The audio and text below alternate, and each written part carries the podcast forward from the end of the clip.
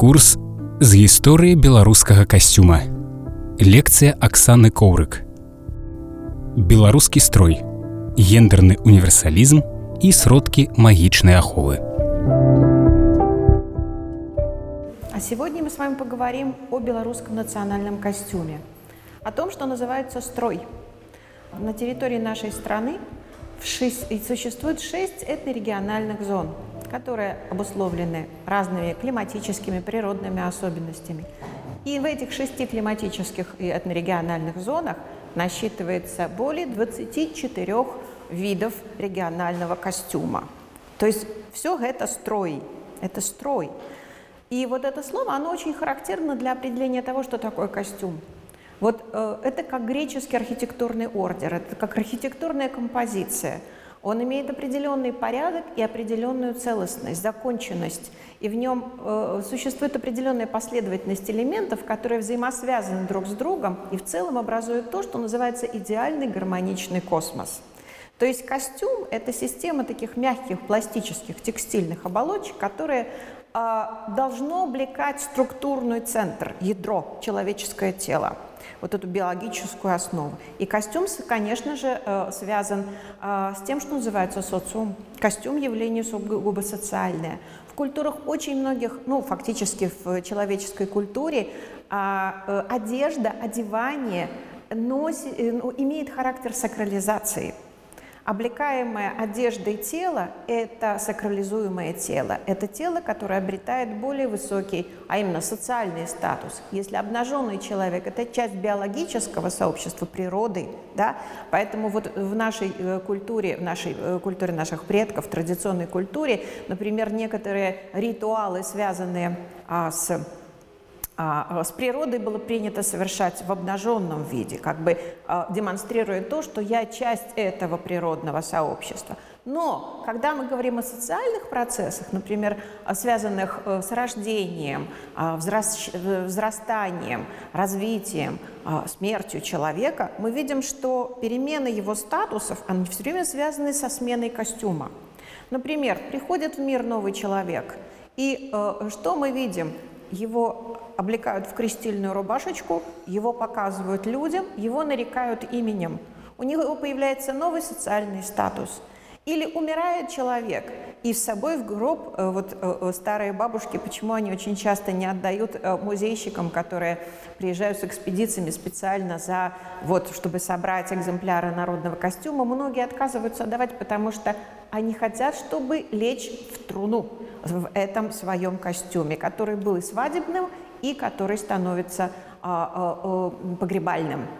А, ну, это касается прежде всего женщин, ну и женщин, которых вот таких связаны с традиционной культурой, особенно в старообрядческой культуре это принято. А, выходит девушка замуж. А что такое ритуал э, свадьбы? Ритуал женской инициации, который связан с переходом из состояния девичества в состояние зрелой э, цветущей женственности, э, э, э переходом к деторождению, к плодоношению. И с чего э, э, начинается этот обряд? Ну, как бы не, не, не начинается, но что является очень важной частью этого обряда?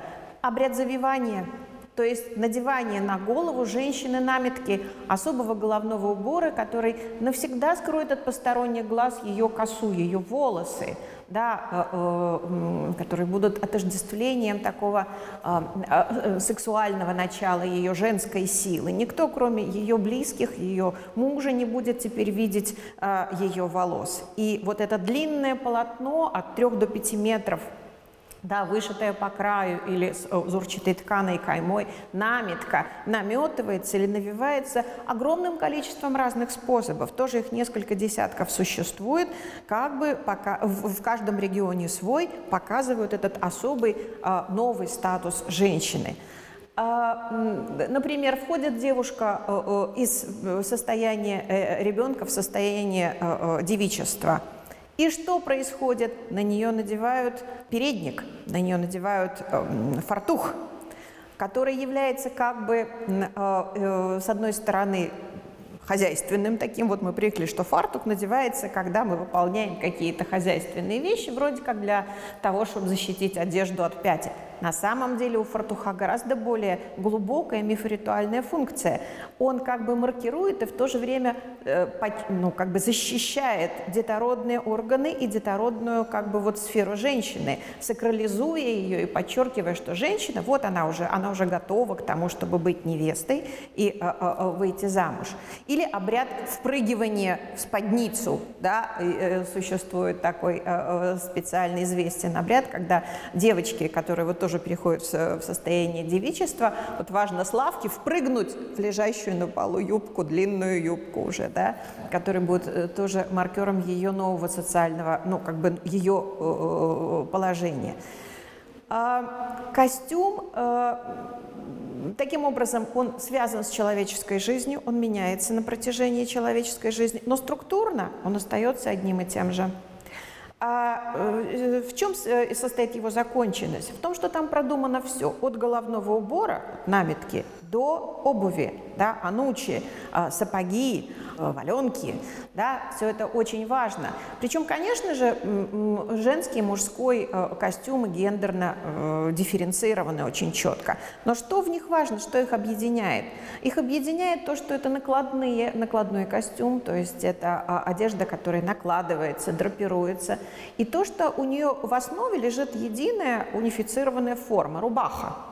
Вот рубаха, сорочка, да, э, это то, что э, как бы является основой э, традиционного костюма многих народов. Причем ее носят и женщины, и мужчины, ее носят и взрослые, и дети. А она может быть э, разнят, разнится только длиной, да, у, у пожилых людей, у взрослых людей, э, у женщин э, брачного возраста она длиной до пола, у детей она до колена, у мужчин выше колена, потому что снизу она дополняется портами, вот брюками. Крой у нее, в общем-то, универсальный. Это известно, правда, несколько видов кашуль, несколько видов сорочек такие. Самая простая это просто с вырезом для горла, туникообразная. Но есть еще там а, с плечевой вставкой, с герской. Но по сути дела это одежда, которая покрывает тело, ну как бы целиком, от шеи и до, ну вот до ног. То есть как бы сакрализуя его, скрывая его. А как известно, в культуре то, что скрыто, то, что спрятано, то имеет особую притягательность, особую ценность. Вспомним, например, обряд покрывания невесты фатой или велому, который известен известен а, ну, всем народам мира. Но это же не только как бы с человеком связано, да, вот, например, там покров алтарный или покров на праздничном столе, это тоже символ сакрализации этого места, этого действия, а, которое будет происходить. Но если вернуться к костюму, а, то очень важна э, полнота и целостность и э, э, как бы наличие как общих, очень важных деталей, составных частей. Ну что это? Это рубаха, кашуля, это спадница у женщин, у мужчин порты, ноговицы, а, это фартух у взрослых женщин, а, это капелюш а, у мужчин, это наметка у зрелых женщин, у, на голове это а, скиндочка, а, особая лента, которая оставляет открытой макушку у, девушек, еще не вышедших замуж. Юноши на голове ничего не носили, потому что их волосы открыты либо прикрыты а, соломенной или волечной шляпой. Очень важной деталью является пояс. А в нашей культуре пояс э, очень важен. Почему? Потому что помещаясь на талии, да, это тот э, культурный символ, материализованный культурный символ, который показывает нам э, человека как некую модель Вселенной как некую модель устройства мира, мифологическую модель мира, где верхняя часть – это зона, связанная с небом, а, э, нижняя часть – это зона, связанная с землей. И пояс, он как бы объединяет в единое целое эти две зоны, формируя а, вот общую целостность. Поэтому человек одетый, человек в законченном костюме – это как символ полноты выражения Вселенной. И э, э, очень важно, чтобы этот э, костюм соответствовал его возрасту, его э, э, роду занятий, его э, социальному статусу. Э, в старом костюме, в традиционном костюме всегда было очень понятно, кто есть кто. Да? потому что, э, э, ну, во-первых, э, социальные страты очень четко разнились костюмом, и, например, представители более низких сословий не имели права носить одежду там, сословий более высоких, например, никому не пришло бы в голову из крестьян надеть барскую одежду. Это невозможно, это каралось и наказывалось жестоко, и человека, посмевшего напялить на себя что-нибудь неподобающего, его ждал ну, наказание социальное. А э, при этом, э, вот если мы говорим о той же кашуле, ну, она позволяла, ну, например, э, хорошо очень уживаться э, с телом женщины, которая испытывает естественные, ну, такие биологические смены своего состояния. В кашуле очень хорошо помещалась беременность. Э, это не то, чем, э, ну, как бы хвастали, это то, что тщательно берегли. Не то, чтобы скрывали. Говорить об этом наши предки, ну, говорить о своих состояниях, об эмоциональных переживаниях наши предки не умели, ну, и не было это принято. Более, ну, такие, э, использовали символический язык, мифов, ритуалов. А вот э, э, берегли, потому что от сглазу берегли, а берегли от э, дурного какого-то влияния. И широкая кашуля в пол, она позволяла, собственно, ну, э, не демонстрировать, что там есть, и позволять э, роженице очень э, бережно, экологично, как мы сегодня говорим, с заботой о своем теле и уважением, с уважением к окружающим, вот переживать это естественное состояние. Изменилось тело в одну сторону, потом оно изменилось в другую, телу и кашуля, все это позволяет очень хорошо, а, хорошо выносить не требует ничего. Но при этом а, рубаха а, очень хорошо маркирована маркирована э, орнаментами. Мы знаем прекрасно, что у нас один из самых древних видов орнаментов э, геометрический орнамент, который известен, как считают специалисты, уже в эпоху неолита, то есть вот столько-столько тысяч лет.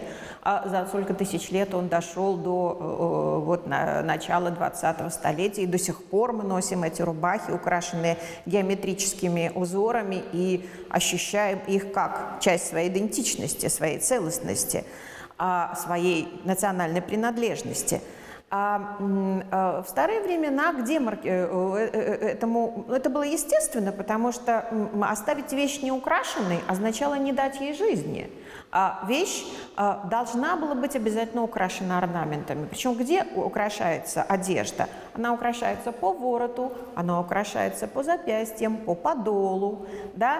она украшается в, на груди, а, ну, если мы начнем э, рассуждать, то это ну, места, которые либо наиболее уязвимы в человеческом теле, поскольку они близко. Э, там близко проходят различные э, ну, крупные кровеносные сосуды.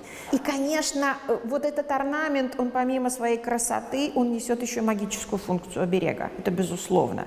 Наши предки никогда не делили сакральное и эстетическое. Для них, ну, красивое это уже живое и уже обладающее определенной, ну, такой сакральной ценностью. Современная мода, мне кажется, очень многое может взять в традиционной культуре.